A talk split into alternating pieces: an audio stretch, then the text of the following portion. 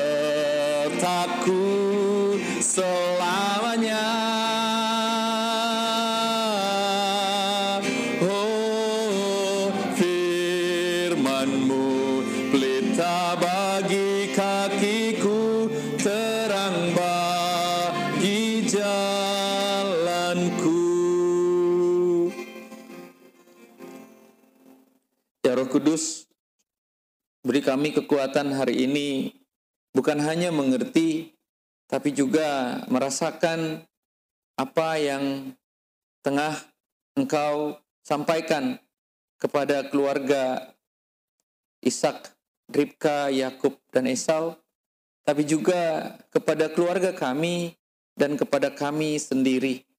Mampukan kami untuk boleh jujur dan terbuka di hadapanmu dan membiarkan anugerahmu yang tak terbatas dan tak berbatas itu menguasai kami satu persatu. Urapi kami turut rahmat dan anugerah Tuhan Yesus Kristus. Amin. Iya, uh, uh, teman-teman, kita akan membaca uh, Kejadian 33 ayat 1 sampai 20.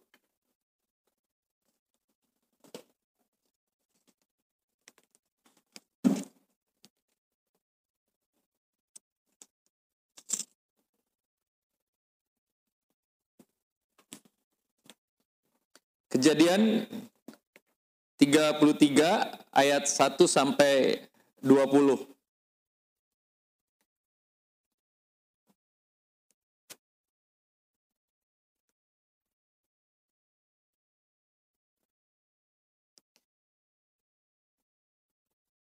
Saya ayat ganjil, teman-teman ayat genap dari Kejadian 33 ayat 1 sampai 20.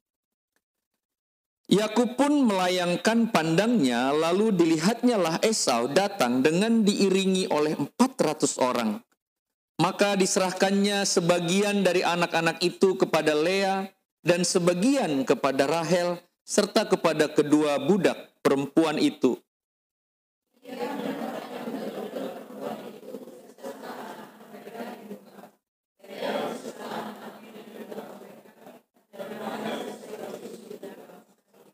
Dan ia sendiri berjalan di depan mereka, dan ia sujud sampai ke tanah tujuh kali hingga ia sampai ke dekat kakaknya itu.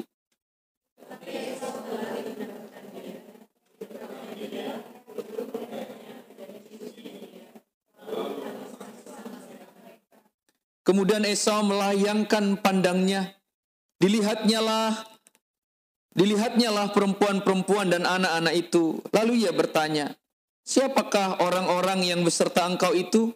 Jawab Yakub, anak-anak yang telah dikaruniakan Allah kepada hambamu ini.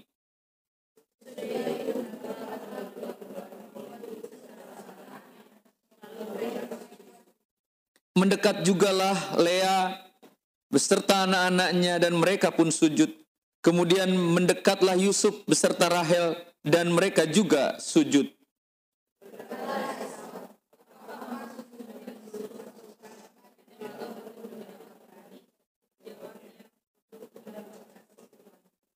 Tetapi kata Esau, aku mempunyai banyak adikku. Peganglah apa yang ada padamu.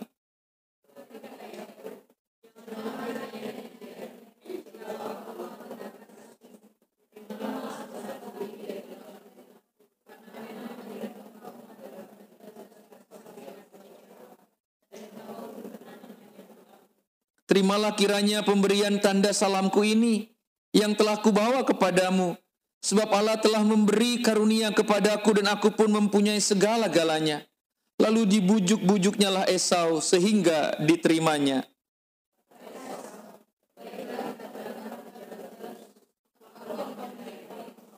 Tetapi aku berkata kepadanya, Tuanku, Tuanku maklum bahwa anak-anak ini masih kurang kuat dan bahwa beserta aku ada kambing domba dan lembu sapi yang masih menyusui jika diburu-buru satu hari saja, maka seluruh kumpulan binatang itu akan mati.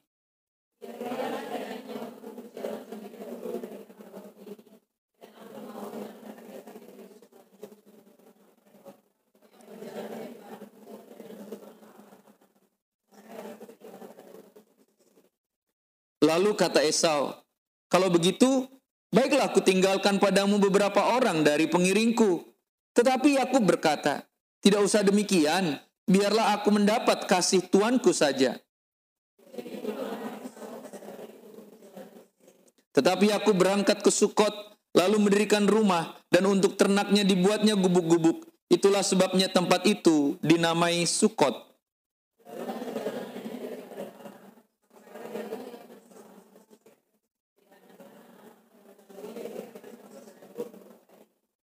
Kemudian dibelinya lah dari anak-anak Hemor, bapak Sikem, sebidang tanah tempat ia memasang kemahnya dengan harga 100 kesita.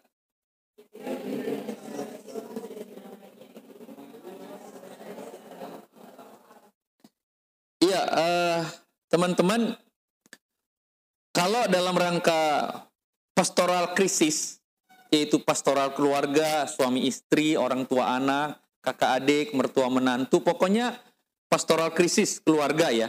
Kita tidak berbicara antar teman kantor, itu ada disebut empat proses pemulihan. Empat proses pemulihan yang kita samakan istilah itu dengan merdeka. Pertama, mengingat.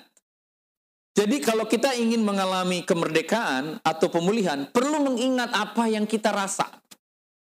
Orang yang sengaja melupakan perasaannya, lukanya, dia tidak akan pernah berdamai sampai mati. Tidak akan. Bahkan dia tidak akan pernah maju lebih baik daripada orang lain. Oke. Bagi kita pembaca kitab Amsal akan menemukan hal-hal itu di kitab Amsal. Ya. Lalu melupakan kalau dalam teks bacaan kita adalah berdamai dengan diri sendiri. Sesakit apa pun peristiwa masa lalu, maka kita harus berdamai dengan diri sendiri walaupun kita tidak mengucapkannya untuk melupakan. Ya. Kata orang mengampuni mudah melupakan tidak. Justru hari ini Bang Tohom tidak berbicara mengampuni, tapi level melupakan. Melewati kalau hanya batas mengampuni, harus berani melupakan. Ya, kegagalan orang berdamai karena cuma mengampuni, tapi tidak melupakan. Mengapa? Karena di bawah sadar apa yang sudah kita ampuni akan dikeluarkan lagi kalau belum dilupakan. Apalagi yang nomor satu tadi sengaja tidak mengingat. Ah ngapain gue inget yang masa-masa lalu yang buruk dalam hidup gue? Nggak perlu. Justru harus diingat. Ya. Nggak bisa tidak. Sesakit apa pun. Yang ketiga, melayani. Yang keempat, menciptakan dunia baru. ya. Nah, uh, inilah bingkai PA kita hari ini dalam rangka melihat ini karena ketika disampaikan tujuannya soal pemulihan dan uh, merdeka dari penyakit hati uh, itu uh, saya menggunakan metode ini uh, dan ini juga yang menuntun lembaran-lembaran slide berikutnya. Kisah Yakub dan Esau perlu diingat. Pertama Esau dan Yakub di dalam rahim itu bertolak-tolakan. Ya. Di mereka adalah kembar tapi bertolak-tolakan. Kalau banyak kembar itu sekajaman sekarang kepala dengan kepala. Ada punggung dengan punggung. Tapi ada juga yang saling memeluk. Tapi ada juga yang saling berbaris. Ya. Tapi Yakub dan Esau, Esau dan Yakub bertolak-tolakan dalam rahim ibunya. Esau pandai berburu, suka tinggal di padang. Yakub seorang yang tenang, suka tinggal di kemah. Ya. Ini uh, kalau teman-teman udah ikut camping dan retreat, ini soal tipe Anda juga. Jangan samakan tipe kebaktian, tipe spiritualitas dengan yang lain. Tergantung masa kecilnya di mana. Apalagi orang yang masa kecilnya tidak pernah ke gereja, bisa jadi ateis dia. Jadi jangan jangan jangan hina orang lain dengan hal-hal bentukannya yang mempengaruhi ya. Oke, Esau disayang ayah, Yakub disayang ibu. Siapa di sini yang begitu waktu masa kecilnya? Angkat tangannya. Dan nanti kalau jadi ibu, jadi ayah, jangan pernah berpihak pada salah seorang anak. Enggak boleh. Kegagalan anak-anak remaja sampai zaman sekarang ini adalah ayah dan ibu beda dalam mendidik anak. Ya.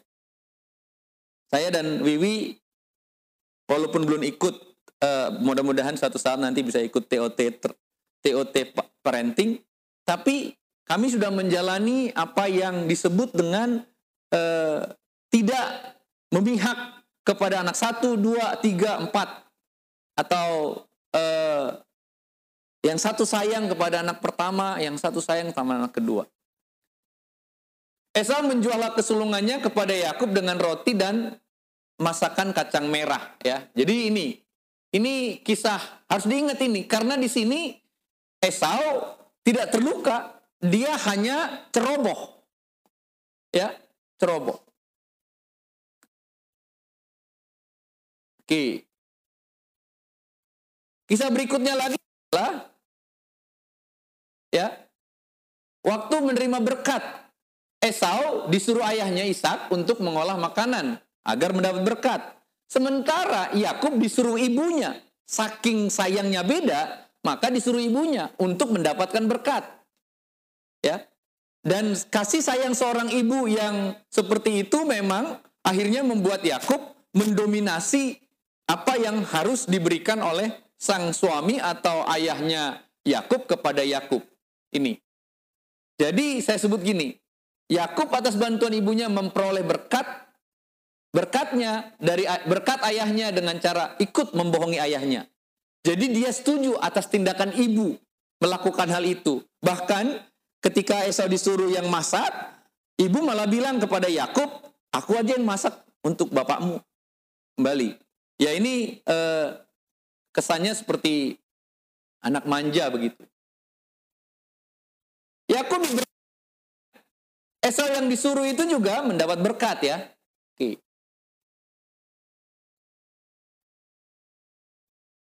Yakub diberkati ayahnya. Nah, di sinilah Esau pedih hati. Bahkan bagaikan anak kecil merengek-rengek minta diberkati ya. Teman-teman, eh, memang dalam kisah ini eh, inilah yang menolong kita menemukan yang disebut sakit hati ya. Jadi kalau dalam dunia pastoral krisis atau ICP, No Child Pass, itu adalah luka batin. Jadi Esau menjadi seorang anak yang mengalami luka batin sebenarnya dengan pengalaman ya. Dua-duanya sebenarnya mengalami luka batin karena satu tidak mendapat cinta ayah, satu tidak mendapat cinta ibu. Dan itu bisa mempengaruhi dalam relasi suami istri. Ya. Oleh karena itu nanti bagaimana Yakub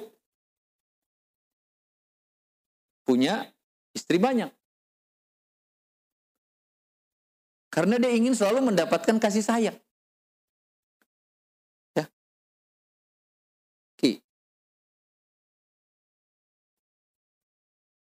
Ini banyak yang seperti ini. Kadang dia tidak menyadari, oh gitu ya. Dia selalu ingin merasakan cinta perempuan. Kurang lebih itu kalau dihubungkan zaman sekarang, tapi kita tidak akan bahas itu. Esau dendam. Setelah pedih hatinya dendam, yang mena yang lebih menarik lagi, Esau kembali diberkati ayahnya dan Esau uh, mendengar Yakub tidak boleh menikahi orang luar, artinya orang yang di luar keluarga besar gitu. Dan salah satu pemberontakan uh, uh, Esau adalah dia menikahi yang dilarang. Teman-teman, saya ingin cerita.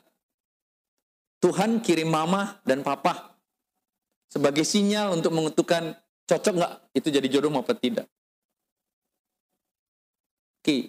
Dan sebanyak sebanyak dan kalau banyak sinyal mengingatkanmu, jangan keras hati. Jangan keras kepala. Jangan. Jangan. Jangan. Sebagai pendeta yang menangani konseling-konseling, terlalu banyak penyesalan.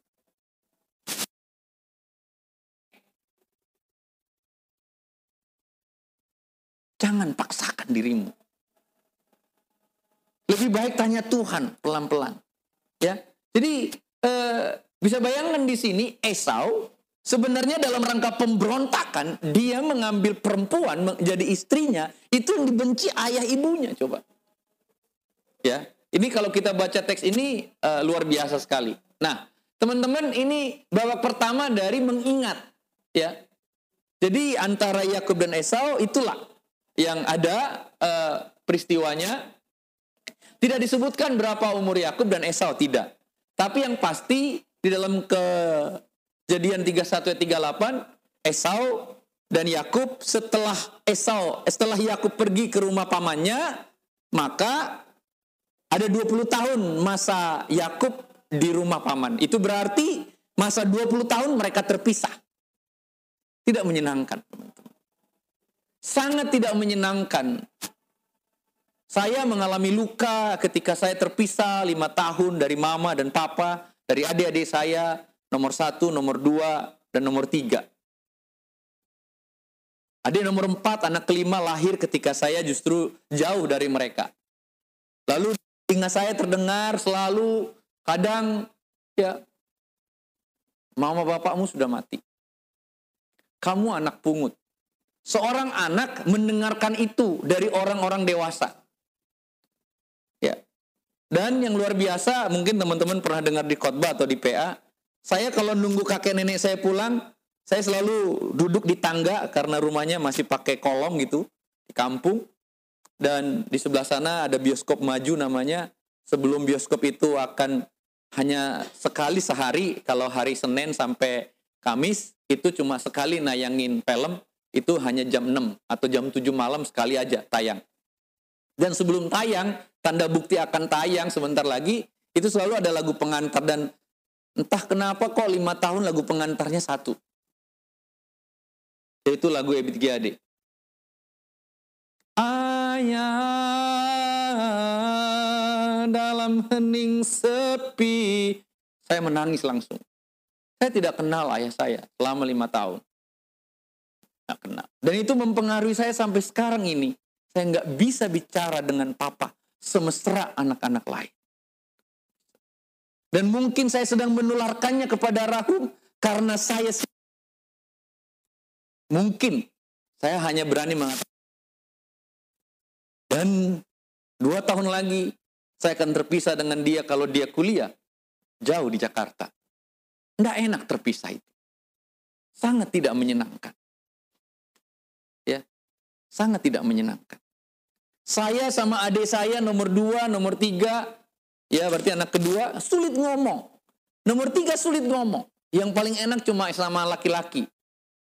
Adik nomor tiga, anak nomor empat. Nomor lima, nggak bisa ngomong. Bahkan kami ada jarak. Puji Tuhan, doa saya didengarkan dan doa banyak orang ketika saya selalu sharing bahwa saya punya masalah dengan adik saya nomor empat, anak nomor lima. Semua nama saya di blog, Facebook, WA, Puji Tuhan dia mau menerima saya berdua dan Wiwi waktu transit dari Tambolaka ke Jakarta di Bali. Dia tinggal di Bali. Tapi sebuah proses pemulihan yang tidak menyenangkan. Bagaimana saya bisa bebas atau dia bebas dari kepedihan hatinya, sakit hatinya, ya. Sebenarnya sakit hati adik saya itu teman-teman mungkin teman-teman aneh ya, Bang Tomku buka bor keluarga. Saya nggak malu buka borok keluarga. Karena Tuhan pasti punya rencana dengan borok itu. Saya yakin Tuhan punya rencana dengan borok itu. Toh sekarang bapak saya baik-baik saja. Di masa adik saya nomor lima, anak nomor lima itu kecil. Bapak itu seorang guru. Tapi namanya seorang guru, wajar kalau kadang dipeluk-peluk muridnya, anak perempuan. Tapi untuk anak kecil, lihat itu nggak bisa. Nggak bisa lihat itu. Bisa jadi nggak ada apa-apa. Tapi untuk anak kecil itu nggak bisa. Dan dia mengalami trauma untuk itu. Jadi kalau saya ketemu dia bicara soal keluarga, soal papa, apa sih? Cuma sibuk aja. Nggak pernah tahu kan yang kurasakan. Sakit bang, sakit. Anak kecil. Ya, kalau dia dewasa mungkin, oh iya murid. Tapi dia mengingatnya waktu anak kecil. Yang layak memeluk ayahnya kan ibunya sama anak-anaknya. Eh, tapi namanya guru. Ya guru kadang kan ya gitu. Kalau favorit, kalau favorit gurunya, ya kan nggak malu-malu dia. Kadang pegang gandeng tangannya kan normal. Tapi untuk anak kecil nggak normal itu, ya. Jadi Inilah yang yang terjadi ya. Saya akan sampaikan juga apa yang saya alami dan saya tidak malu karena eh, hal ini selalu sampaikan di retreat eh, Pak Sutri oleh saya dan Wiwi. Sebagai narasumber, kami selalu menyampaikan apa yang terjadi dengan kami. Kalau orang bilang cacat celah, kenapa? Why not? Siapa sih nggak tak bercacat celah? Oh malu keluar. Untuk apa malu dengan aib keluargamu? Nah perlu kok. Semua tokoh Alkitab punya aib. Sampai Yesus pun mamanya punya aib. Hamil di luar nikah. Ya. Jadi kalau kau tutup-tutupi itu, tidak berani kau ungkapkan dalam sebuah persekutuan dan mohon doa, nggak akan nggak akan ada jalan keluar. Saya menemukan banyak jalan keluar. Walaupun tentu tidak semuanya dibuka, tidak. Walaupun tidak semuanya dibuka, tapi ini sebuah cara proses merdeka. Sebuah cara proses berpulih dengan mengingat. Ini babak pertama ya, uh, sampai terpisah eh, uh, 20 tahun. Nah, kita mau dalami kata pedih hati ini. ya. Kata ini terjemahkan dari kata Ibrani umarah, yang artinya pahit. Dari kata dasar mar atau marah, yang artinya pahit, luka, sakit. Dapat diartikan menangis dan perasaan sakit hati dan gampang tersinggung. Jadi Esau tuh menjadi orang seperti itu. Dari akar kata marar ya. Ya, ini marah, ini mar, marar yang artinya menjadi pahit. Tapi sebenarnya kata ini sering kali digunakan dalam rangka penyulingan air yang setetes demi setetes. Makanya luka batin itu sulit sembuh, sakit hati itu sulit sembuh karena dia keluarnya setetes demi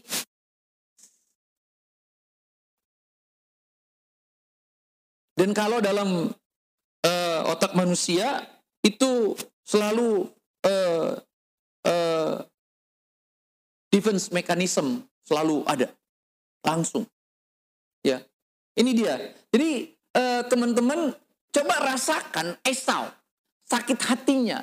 Coba rasakan uh, kepedihan hatinya ya. Ya. Yang menarik tiga-tiga ini yang diangkat. Kenapa bukan kejadian 39? Soal Yusuf. Tapi Yusuf tidak bercerita soal sakit hatinya di situ. Enggak. Kebaca aja pelan-pelan. Enggak ada tuh. Enggak ada, enggak ada. Enggak ada sakit hatinya itu. Ngomong cuma sedih. Kenapa gue gak jumpai saudara-saudara gue? Jadi kalau teman-teman berpikir, kok kenapa sih bukan Yusuf aja yang diangkat karena dia lebih menderita? Tidak. Karena kalau teman baca kisah Yusuf, tidak ada ungkapan kepedihan Yusuf di sana. Nggak ada.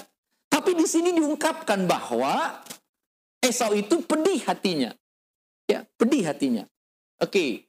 Ya. Jadi rasakan kita yang punya pedih hati, yang sakit, yang luka, yang pahit, ini lebih lebih tepat sebenarnya akar pahit sebenarnya ya. Ya, ini. Dan teman-teman eh, soal ini eh, nanti tanggal 3 saya dengan alumni SMA eh, membahas ini. Disolusi spiritual. Kenapa orang stuck spiritualnya? Di retreat sehari, dua hari, satu malam di MDC akan membahas ini. Kenapa kau punya perasaan sakit hati? Kenapa kau pedih? Kenapa kau sunyi ya? Kenapa kau stuck gitu loh? kerja tapi kayaknya nggak dapat apa-apa gitu. Itu kan kita bahas di retreat tanggal 3 dan 4 di MDC dengan alumni SMA. Nah, Yakub 20 tahun di rumah Laban.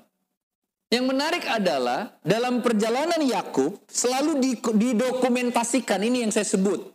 Selalu peristiwa hidupnya didokumentasikan dengan cara membangun memberi nama, ya. Memberi nama ini udah kastohom. Artinya tohom saya itu menjadi orang yang selalu menghubungkan kisah-kisah perjumpaan dengan Tuhan di dalam keluarga. Tiga anak saya Sebrina, Marahum, Eliasib dan Sere itu karena perjalanan iman saya. Jadi kalau ingat Rahum saya akan tahu betapa Allah mengasihi saya. Kalau ingat Eliasib betapa Allah sangat memulihkan dan menyembuhkan saya luar biasa. Ketika kemarahan, kebencian datang. Dan sere itu artinya emas yang teruji ketika saya dihajar sana sini, dihajar sana sini. Dan saya tidak mati rasa serta tidak kebal. Tapi lebih enjoy menghadapi tekanan. Seperti Kung Fu Panda. Dia dihancurin kan kalau di film itu membal terus dia. Dipukul balik lagi membal. Itu ditembak dia bisa kendalikan membal. Saudara harusnya bisa membal menghadapi masalah, tekanan di kantor, tadi cerita-ceritanya harus bisa membal. Kalau nggak bisa membal, habis kita. Sesekali normal, sesekali. Tapi harus membal. Enak. Supaya apa? Supaya Tuhan gampang nuntun kita mau ke mana. Membal. Eh, ternyata membal kita ke utara. Eh Tuhan suruh ke mana? Oh ke utara rupanya. Saya pengennya jatuhnya di selatan. Enggak, Tuhan bilang ke utara kau. Kan gitu. Ini dia ya. Jadi mendokumentasikan dengan Betel ya.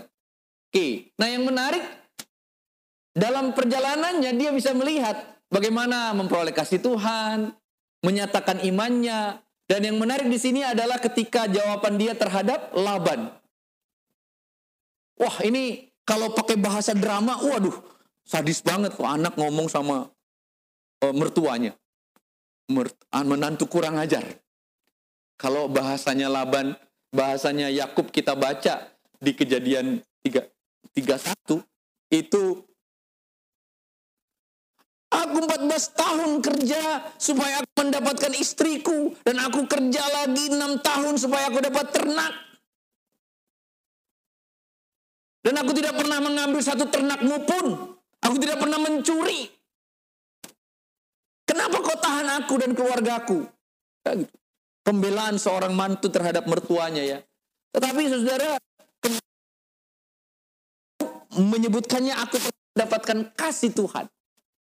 Kalau di Betel sebelum ketemu Betel dia katakan ada satu tempat yang luar biasa indah. Sebuah ungkapan ya. Lalu menyatakan imannya. Dan yang menarik adalah bahwa dalam proses ini oleh Tuhan Jangan kau mengatakan sesuatu yang buruk Ingat, gosip. Ingat. Ingat. Tuhan ngingetin Laban, kau jangan sebarkan gosip tentang mantumu. Kita tuh gampang gosip. Apalagi pemuda barang baru. Semua didengar, walaupun belum tentu benar. Cek kepada orang pertama. Kalau ada akan tanya, bang lo bener nggak sama Wiwi sedang begini? Tanya. Sebab jika orang itu ngomong pencemaran nama baik, habis kita. Habis loh. Hati-hati dengan gosip. Ya. Hati-hati. Jangan cepat percaya. Apa untungnya untuk kita? Puas kita ngomongin orang. Puas. Nambah apa-apa. Ya. Itu yang hebat dalam kisah ini. Jadi Yakub juga harus mengingat luka-lukanya. Setelah dia melukai Esau atau dia masa terluka oleh ayah ibunya, dia terluka oleh Laban. Kalau pakai orang yang apa ya, orang yang keras kepala bilang gini atau orang yang menghakimi, iya tuh, lo memang nipu abang lo sekarang dibales dengan Laban. Hati-hati ngomong itu juga. Walaupun banyak yang seperti itu, betul. Nanti Amsal baca lagi. Jadi apa yang kita perlakukan jahat pada orang lain, tidak pernah akan ada kebaikan di rumahnya. Oke, ingat. Jika kita sering melakukan kejahatan pada orang lain, tidak akan ada kebaikan di rumahnya. Kurang lebih salah satu ayat Amsal mengatakan itu. Apalagi kalau kau membicarakan yang buruk tentang orang lain, jangan harap ada orang yang membicarakan yang baik tentang keluargamu. Waktu nyiapin bahan-bahan untuk hari ini, besok, tanggal 3, tanggal 4. CCTV Tuhan di mana-mana. Mata Tuhan ada di seluruh penjuru mata angin untuk melihat orang baik dan orang jahat.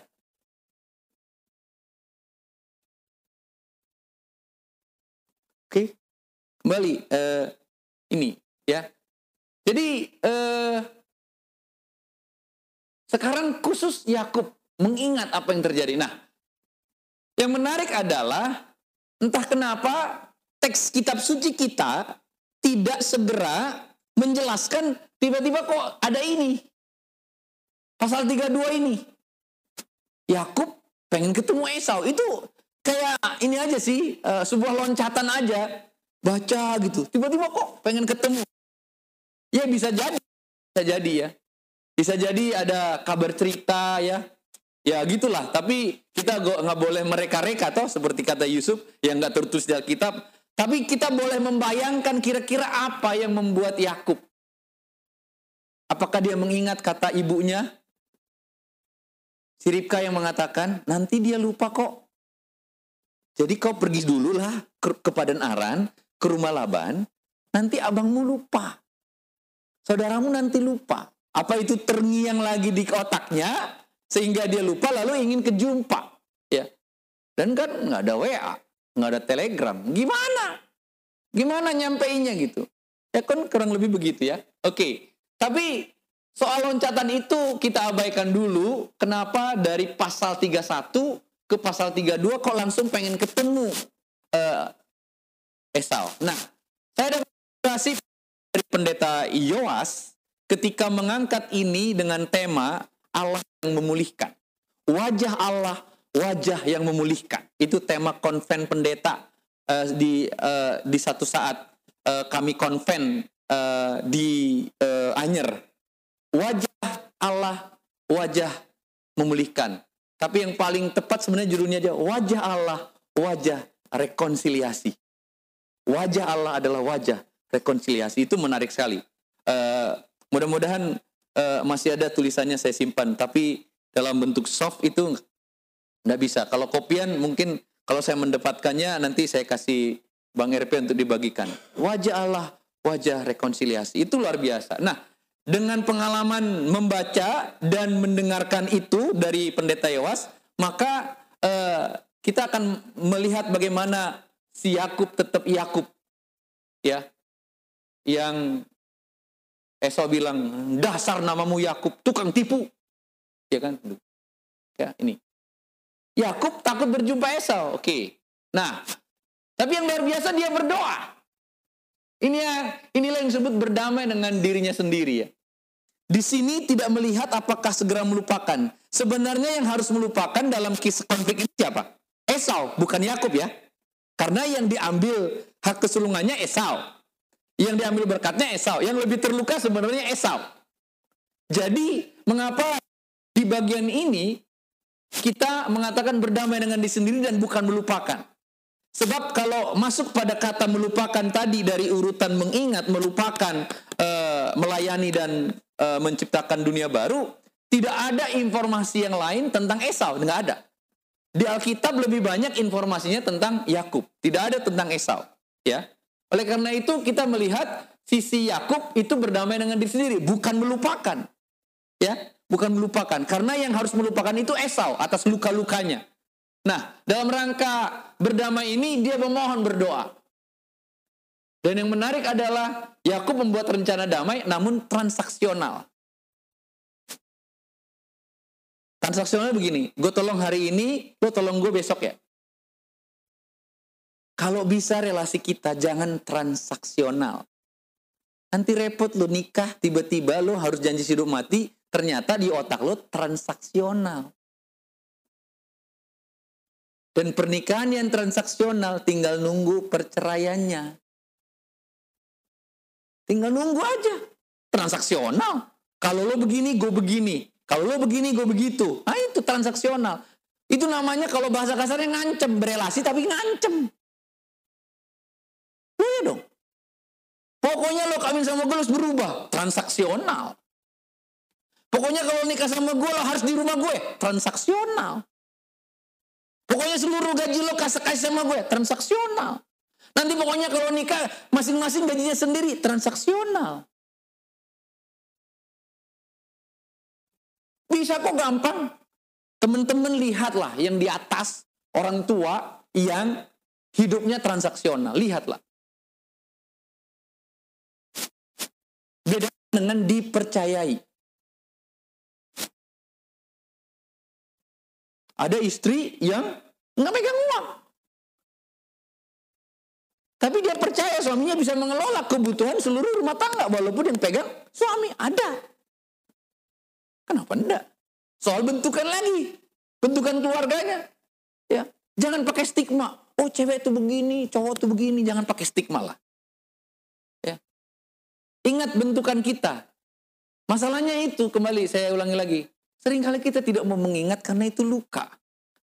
Kita tidak mau mengingat karena itu menyakitkan. Tapi hari ini saya mengajak untuk mengingat. Walaupun sakit. Ya. Oke. Nah, barulah apa? Film inilah apa? E, semacam apa tuh titik puncaknya apa namanya? Klimaksnya gitu. Ketika Yakub pengen tapi dia masih takut ya. Bahkan kirim utusan dulu Tuhan nggak mau. Gue nggak yang gue kasihi Yakub seperti oleh karena itu dia jumpailah Yakub di seberang sungai Yabok. Ya bergelutlah dan bergulatlah dia dengan Tuhan dan dia disebut menang di ayat 28 dan namanya diganti Israel. Israel artinya adalah orang yang bergelut dengan Tuhan jadi kita semua adalah orang Israel baru yang bergelut dengan Tuhan. Oh, itu cocok untuk retret alumni. Bergelut untuk mengatakan apakah saya ikut yang jahat atau ikut yang baik. Apakah saya diam atau ngomong. Apa saya ikut ngegosip atau memberhentikan gosip. Kurang lebih begitu. Kita yang mana? Apakah saya terobos lampu merah atau berhenti? Itu berbicara bergelut dengan Allah. Apakah saya korupsi atau tidak? Itu bergelut dengan Allah. Ya. Oke. Ini dia. Yang menarik Yakub diberkati. Nah, lalu Yakub mendokumentasikannya lagi dan memberi nama tempat itu Peniel. Peniel itu dari kata panim. Peni, panim, P-N-I, panim, melihat wajah Allah.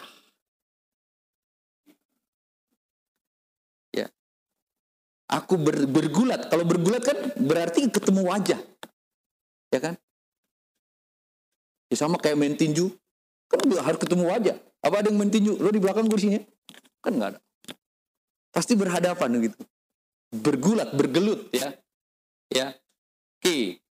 Nah, didokumentasikan. Nah, teman-teman eh, dan di sinilah proses Yakub berdamai dengan dirinya sendiri. Dan yang menarik, ternyata manusia tidak bisa berdamai dengan diri sini harus dibantu oleh orang lain. Harus dibantu pihak lain. Dalam hal ini Tuhan. Betul, saya teman-teman pertama saya dipulihkan hidup saya sebagai sebagai suami dan sebagai ayah sekaligus di weekend Pak Sutri. Yes. Kami berdua dipulihkan di situ. Cara Tuhan ajaib. Makanya saya selalu ingin cerita ikut orang tuamu. Karena banyak rahasia yang Tuhan akan bukakan. Banyak. Kita yang punya orang tua di sini ajak. Ini bukan soal relasi lo buruk enggak. Yang buruk itu nggak boleh ikut. Justru yang relasinya baik. Ikut retret ini, ikut weekend ini. Dibukakan dan ini ketemu saudara. Ya. Kenapa dan saya kenapa passionnya di sana? Karena ternyata banyak butuh. Sukabumi aja butuh. Gereja-gereja Sukabumi. Nanti Oktober saya ke sana. Sumba aja butuh GKS. Walaupun nggak kejadian kemarin. Datang tamu dari Korea. Tapi nanti ke sana. Kemarin mission trip ada yang lain tapi bukan anggota gereja, anggota-anggotanya anggota kita ke Tapanuli, lagi butuh. Betul saudara. Jangan nganggap nggak ada masalah apa-apa. Ini bu, memang bukan sumber masalah ya. Jadi saya kenapa cerita itu karena saya menemukan dahsyat Tuhan. Itu cara yang cara pertama lah. Cara kedua adalah waktu konven bicara pemulihan. Itu sekitar erupsinya Gunung Merapi yang pertama. Ya, sampai akhirnya nggak bisa pulang naik pesawat, harus ganti pesawat ya. Jadi harus dianggap angus lah. Susah untuk mengembalikan itu ya. Uh, refund itu susah lah. Pokoknya uh, gitu. Nah, di situ diceritakan bahwa uh, Tuhan memakai siapa saja. Tetapi yang menarik di sini adalah Tuhan yang berhadapan langsung. Aduh, enak kalau ngalamin seperti Yakub. Enak, langsung ketemu Tuhan. Tuhan yang ngomong langsung. Makanya diganti nama lu bukan Yakub lagi Israel. Tapi zaman sekarang enggak. Ada yang Tuhan langsung melalui mimpi, nanti dikira mimpi. Ah, nanti konsultasi sama pendeta, ah mimpi buanglah itu mimpi. Apalagi kalau di mimpi itu diminta bertobat, ya uh, kita yang nggak mau bertobat kan. Sahabat saya gitu. Dia datang setelah dua kali ketemu Tuhan, tapi nggak disuruh masuk di surga. Makanya langsung konsultasi sama saya. Jadi waktu di pertama mimpi itu dia nggak datang. Merson, ayo dong, kok butuh ini? Enggak. Karena dia tidak ingin mengalami perubahan. Akhirnya yang kedua dia bilang gitu, Son, kenapa gue dua kali ya? Udah sampai pintu sorga, tapi gue nggak diizinkan masuk. Yang lain disurikan izinkan masuk katanya. Langsung saya ledek karena dia sahabat saya dari SMA, saya bilang, lu udah ke gereja belum? Dia masih anti gereja sampai sekarang. Jawaban dia sederhana. Gue takut baca Alkitab. Karena akhirnya gue harus melakukan. Lebih baik gak usah baca. Tapi itu dia. Walaupun dia berubah. Gak pernah ke gereja tapi read close the Bible dan menjadi orang nolong banyak orang. Sampai sekarang dia nolong banyak orang. Orang-orang yang kecil. Dia selalu berbagi uang, berbagi kasih dia. Ya mungkin gerakan dia gerakan Buddhism lah. Atau Hinduism. Tapi saya juga nggak mau menghakimi dia. Saya masih tanya, dia masih bagi saya. Tapi itu pilihan dia. Jadi teman-teman eh, itu melalui mimpi. Nah yang yang lainnya melalui apa? Kira-kira melalui apa? Cara Tuhan mengubah seseorang. Ayo. Melalui apa? Melalui apa coba? Rumit kan? Rumit. Kita pengennya orang lain yang mengalami perubahan. Kita mau nggak? Nah ini dia. Nah teman-teman Nah inilah yang dirasakan oleh Yakub dan Tuhan. Oke, kalau ternyata model Yakub nggak bisa Bang Tom, bagaimana caranya? Berjuanglah supaya engkau berdamai dengan dirimu sendiri apabila banyak hal yang menjadi kepedihan hatimu, luka hatimu. Ya. Sekarang pendeta Tom aja belum pulih betul 100%. Kemarin ada yang tanya lagi cerita soal ini, soal soal luka batin ya. Uh, bagaimana memulihkan? Terakhir nonton uh, The Good Dinosaurs dengan anak saya, kami berdua menangis bersama di bagian perpisahan. Si orang hutan itu, orang kuno itu ketemu orang tuanya, lalu si Dino mau ketemu ibu dan abang-abangnya. Kami berdua nangis bersama. Sere nangis, saya nangis. Karena saya masih mengingat saya terpisah lima tahun itu tidak menyenangkan. Menyenangkan dikatakan anak pungut, dikatakan mama papa sudah meninggal, nggak menyenangkan teman-teman. Tapi saya berjuang berdamai, berdamai, berdamai terus. Ya, ini ini dia yang yang kita mau lihat uh, berdamai dengan diri sendiri ya. Oke. Nah, setelah itu apa? Tindakan ya. Jadi ingat, dia ingat kita saya mengajak teman-teman untuk mengingat apa yang terjadi dengan Yakub dan Esau. Lalu kita mengingat apa yang terjadi dengan Yakub dengan dirinya sendiri. Sekarang kita lihat sebuah tindakan dari yang telah berdamai dengan dirinya sendiri. Teman-teman, ini yang pernah saya bilang, orang yang di sono yang menurut kita bermasalah dengan kita, itu jangan-jangan udah lebih selesai dibandingkan kita. Ini contohnya. Ini contoh nyata. Yakub menatap Esau dari belakang rombongan. Dari jauh dia. Tapi karena dia ingin melayani setelah bergelut dengan Tuhan, maka diterobosnya, ditembusnya tembok pertama. Rahel dan Yusuf. Baris belakang adalah Rahel dan Yusuf. Benyamin belum lahir. Di kelompok kedua adalah Lea dan anak-anaknya. Enam anaknya, tujuh dengan Dina. Lewat. Walaupun di teks kita disebut hanya dan budak-budaknya, tapi saya bagi lagi menjadi sesuai dengan urutan siapa yang melahir, yang memberikan anak bagi Yakub yaitu Bilha. Maka ditembus tembok ketiga, Bilha dan anak-anaknya. Lewat tembok keempat, Jil pada anak-anaknya. Dan setelah ketemu dengan Esau di sana, dia langsung bersujud. Dan sujud itu harus digambarkan karena sujudnya sambil jalan. Jadi tujuh kali dia sujud. Kalau teman-teman baca perlahan-lahan, bukan sujud tujuh kali langsung dia berjalan enggak. Tapi jalan, sujud, jalan, sujud, jalan, sujud, jalan, sujud. Tujuh kali.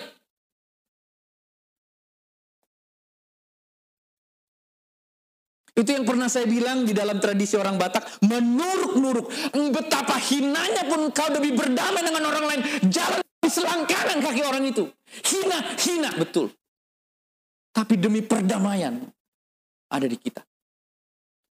Oleh karena itu Roma 12 mengatakan, selapat dapatnya ada padamu, padamulah ada perdamaian. Jangan pernah kau merasa paling benar. Dia yang salah, dia yang salah. Silahkan dia yang salah. Katakan dia yang salah. Tapi mulai dari dirimu. Kalau mau merdeka, mulai dari dirimu. Jangan pernah mengharapkan. Di sini kalau kita apa yang dilakukan Esau? Berlari. Menjumpai. Berarti Esau sudah dipulihkan Tuhan kan di sana. Harusnya apa yang dilakukan Esau? Tangkap Yakub, bunuh dia. Bunuh seluruh keluarganya. Karena dia telah mengambil hak kesulungan dan telah mengambil berkat dari ayahku. Bunuh dia. Itu juga sebenarnya kalau kita bahas. Bunuh mereka semua, hai pasukan Mesir. Gak penting mereka hidup. Nah, teman-teman, mengalami pemulihan harus dimulai dari diri kita. Jangan kita selalu tampak kelihatan suci, suci, dan suci.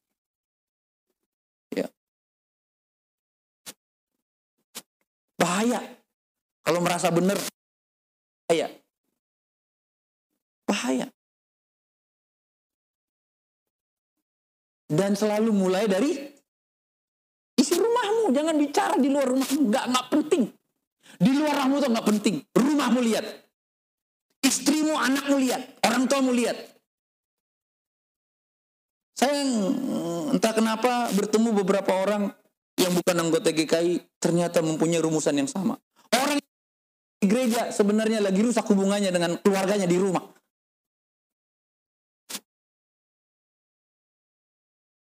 Makanya kerusakan di rumah dibawa ke gereja.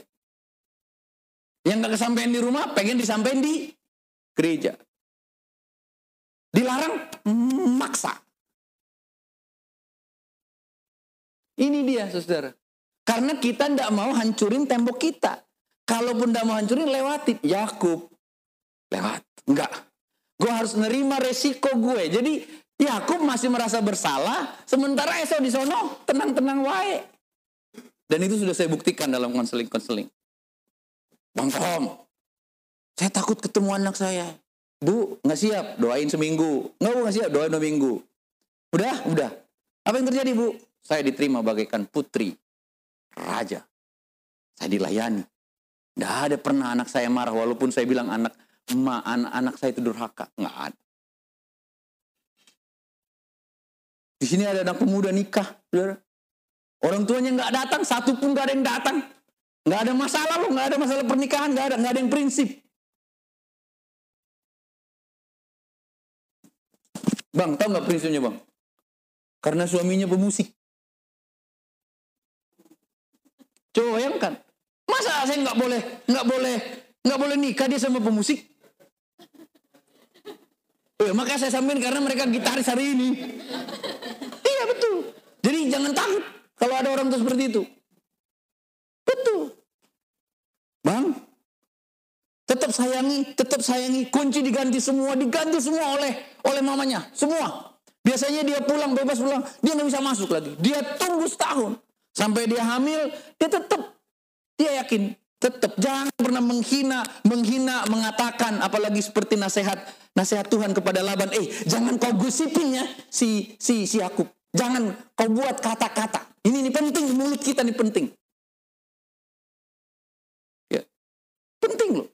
Jangan ya. Apa yang terjadi? Jadi setiap kebaktian kalau saya pimpin, kalau dia ada langsung, Bang Tohong dipeluk saya. Nama Semuanya tuntas. Mama, kakak, Inang udah, bapak udah, pak le, om, tante, pokoknya menerima saya semuanya. Coba. Walaupun nunggu satu setengah tahun. Sakit, sakit gak dianggap anak satu setengah tahun. Bisa. Tembok. Jadi yang bikin tembok itu siapa? Bukan Esau, Yakub. Kalau dalam konteks ini yang bikin tembok siapa? Kita. Kita sendiri yang bikin tembok.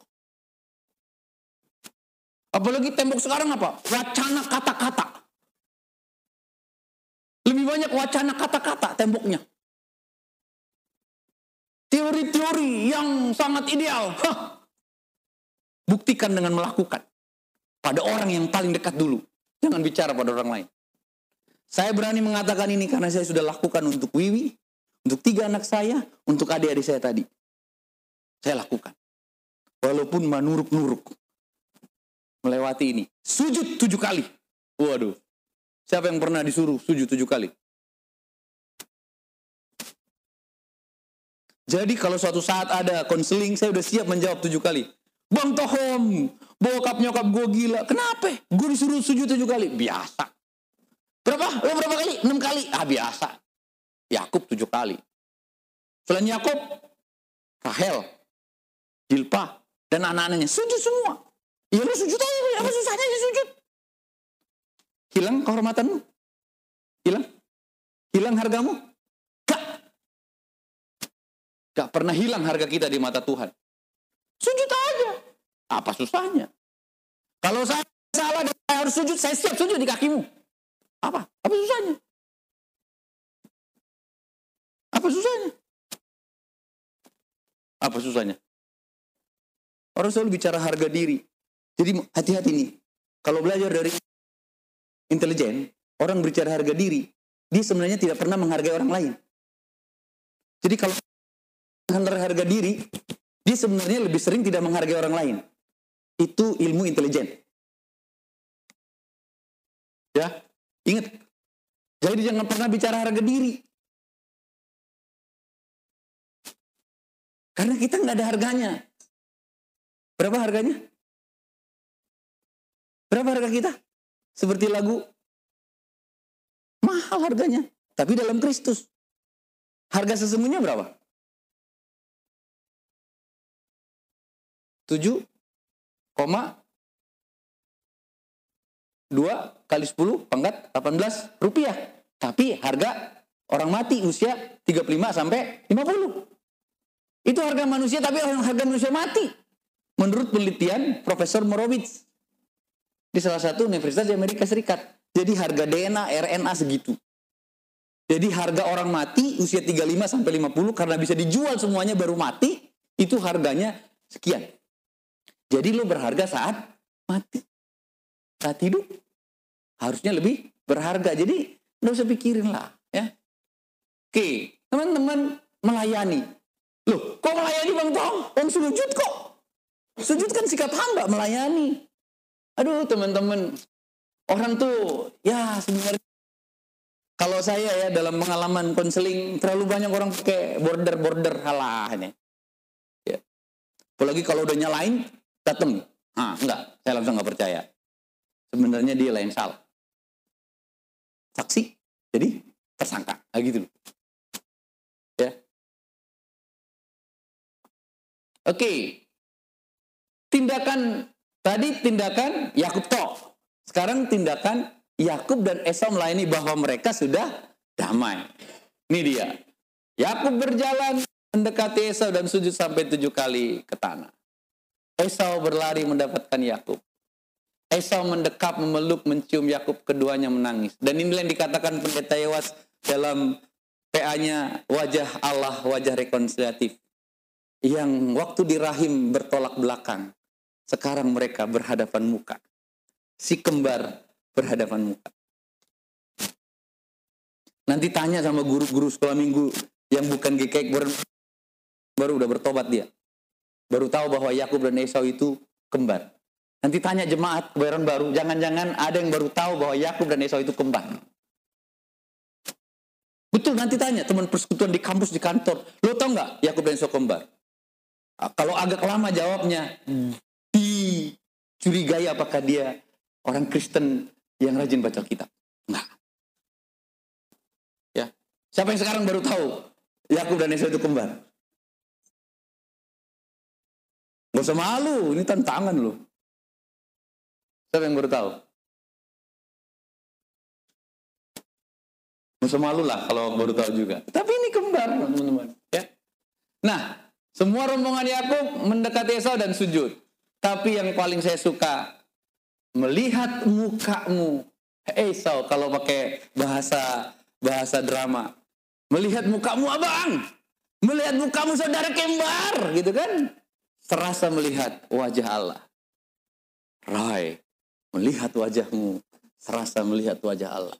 Sehingga aku tak mungkin melukaimu sedikit pun dan aku tidak akan bercerita sesuatu yang buruk tentang kau bahkan di tempat tersembunyi sekalipun aku tidak akan pernah memburukkan namamu karena wajahmu, wajah Allah. Jadi lihatlah semua manusia di muka bumi ini seperti wajah Allah supaya kita nggak menghina, mengejek, menilai. Ya, ini dia. Lalu yang luar biasa, Yakub, Yakub betul dia penipu, tapi sebenarnya kata yang lebih tepat lagi dari kata Yakub, dia adalah seorang yang cerdik. Oleh karena itu salah satu kecerdikan dia ketika Yakub Esau mengatakan, "Ayo." Jawab begini, "Ayo." Miring enggak begini. Tapi realistis jawabannya, enggak bohong, enggak ngada-ngada ya. Itu dia. Namun ada kata yang selalu diucapkan Yakub terhadap Esau bahwa dia telah mendapatkan kasih tuanku. Kenapa dia mengatakan itu? Itu merasa bahwa Esau sudah mengampuni dia. Nah, Kata inilah yang kita bisa pakai untuk mengatakan bahwa Esau sudah mengampuni Yakub ya. tapi tetap uh, dalam konteks melayani.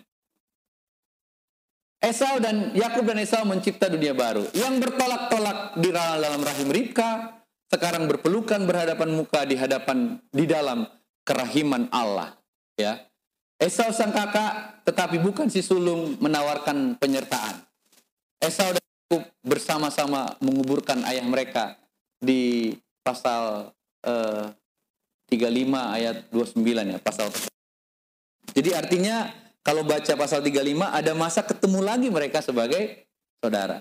Saat kapan? Ya mungkin saat tahun baru, mungkin saat apa? Saat Natal lebih ya. Tapi masa dulu cara ngumpul waktu kapan? Waktu kapan? Kira-kira uh, orang Israel ngumpulnya waktu kapan walaupun tersebar? Saat kapan? Kira-kira coba ditebak. Kan belum ada tuh eh, keluar dari Mesir kan belum. Kira-kira saat kapan ngumpul? Dan bagaimana bisa ketemu? ya. Oke, menurut beberapa penelitian, mereka ketemu adalah saat masa panen, saat masa subur di sebuah daerah. Dan itu selalu punya musimnya kan. Daerah sana kan masih dianggap empat musim juga. Jadi saat musim uh, semi lah saat musim panen lah. Jadi begitu ya. Yang kedua analisisnya adalah saat ada yang meninggal. Cuma gimana zaman dulu? Saat ada orang yang menikah. Tapi itu uh, salah satu alasan yang kita bisa sebut. Jadi teman-teman uh, uh, inilah uh, uh, yang saya ajak kita dalami dalam rangka berPA bagaimana kita merdeka dari penyakit hati ya uh, saya tidak mau terkontaminasi dengan bahan saya di uh, di solusi spiritual alumni SMA ya uh, jadi ternyata untuk menyembuhkan luka hati ya begitu caranya Siapa yang punya luka hati untuk mama, papa? Kalau yang saya berkati nikah, itu agak capek kerjaannya. Karena apa? Karena saya minta dia berdamai dengan mama papanya. Sebelum dia menyatu dengan istri dan suaminya.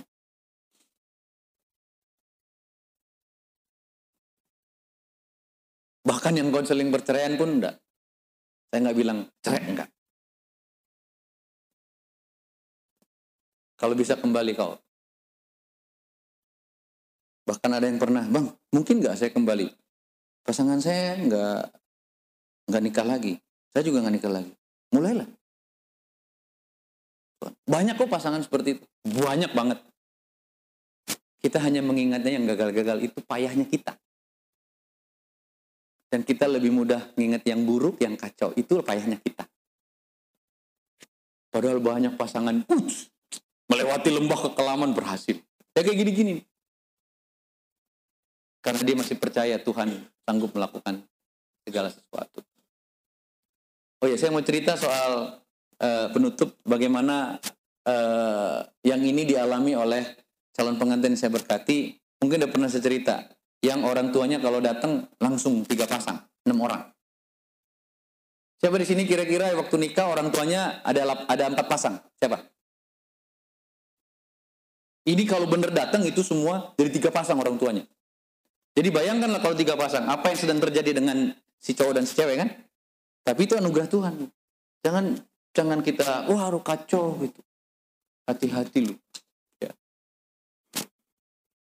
Betul, tadi kan saya ingatkan eh, di pasutri itu saya tahu mengapa saya harus menyampaikan pada teman-teman.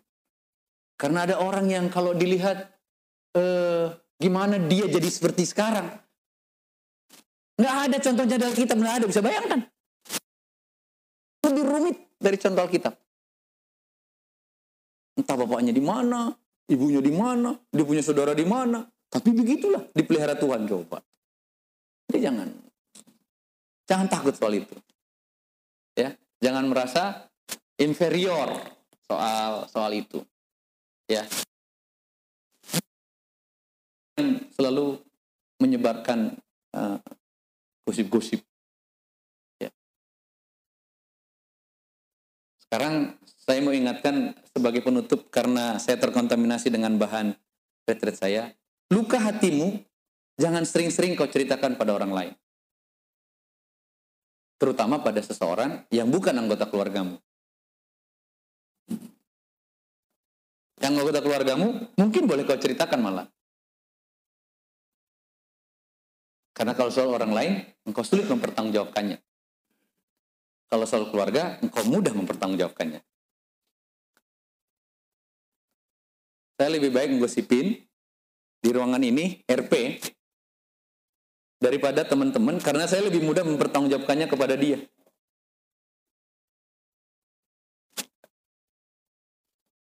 Ya, kalau saya harus gosipin dia gitu. Sebab banyak orang tidak bertanggung jawab setelah ngegosipin. Gak bertanggung jawab dia. Ya. Yang terakhir pertanyaan saya sebelum kita dialog, kira-kira nggak ada ya? Ada nggak keluarga yang teman-teman lihat kayak Yakub Esau ini? Ada nggak? Atau ada nggak keluarga Yakub Esau ini? Mamanya bela anak pertama. Ini ada ya? Kalau bela-bela anak ada ya? Oke. Kalau yang kakak adik sampai pisah lama, ada. Ya saya menangani banyak kasus-kasus seperti itu. Ya, sampai sekarang belum ketemu, belum nyatu. Kadang yang nyatu setelah mamanya mau mati baru nyatu. Saya pernah menyatukan sebuah keluarga setelah orang tuanya mau isdet. Tapi luar biasa, berkatnya sekarang luar biasa gitu. Ada yang kayak di sini, sebelah sini ada keluarganya kayak Yakub, Esau, kakak adiknya gitu. Nggak ada ya? Aman ya? Aman. Oke Oci, giliranmu jadi moderator untuk meneruskan. Rasanya Bang Toham udah cukup. Oke teman-teman ada yang mau bertanya gak?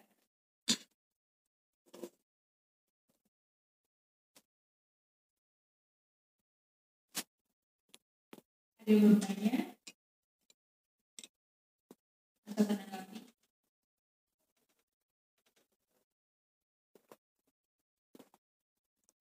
Terima kasih. Pak. Eh, saya ingin eh, ingin dapat apa eh, pengertian yang disebut dengan Allah Abraham, Ishak dan Yakub. Apakah yang beliau-beliau ini merupakan eh, apa bapak bangsa orang Yahudi? Gitu. Itu yang pertama. Yang kedua, mengapa di di adat Yahudi hak kesulungan itu paling diutamakan begitu saya pikir itu aja karena yang justru tidak tahu terima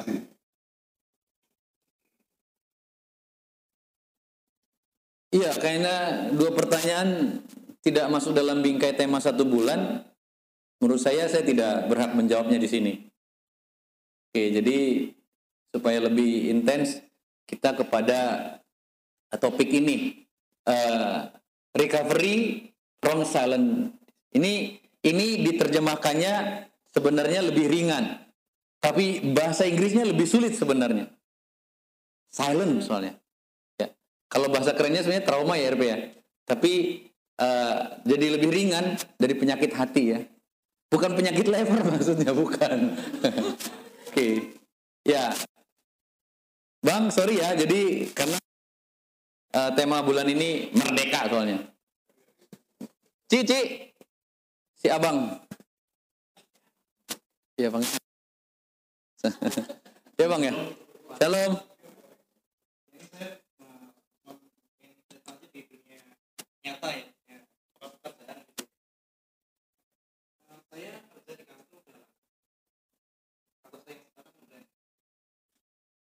di lima tahun dalam lima tahun itu ya hubungan dengan atasan juga tidak selalu mulus karena satu kali ya saya lagi lagi sibuk-sibuknya gitu sebelum ini seperti itu tapi ada satu yang urgent nih dari atasan saya lagi gampang ya. saya saya eh, saya nggak terima gitu. saya keluar saya banting pintunya dan ya udah saya merasa nggak ya udah eh, tidak, eh, nggak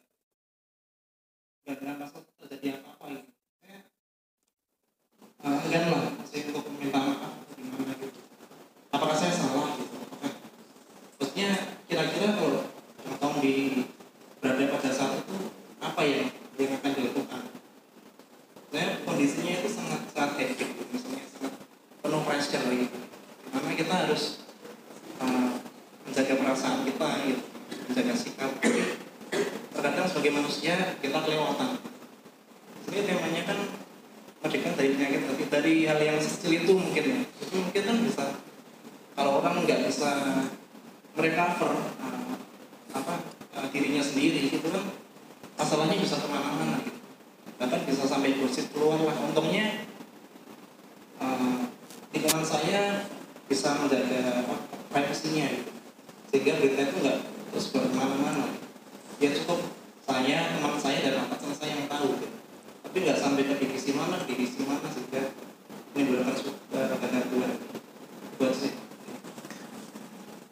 Kalau dari tanggal 1 Agustus ini mundur, udah ada sebulan?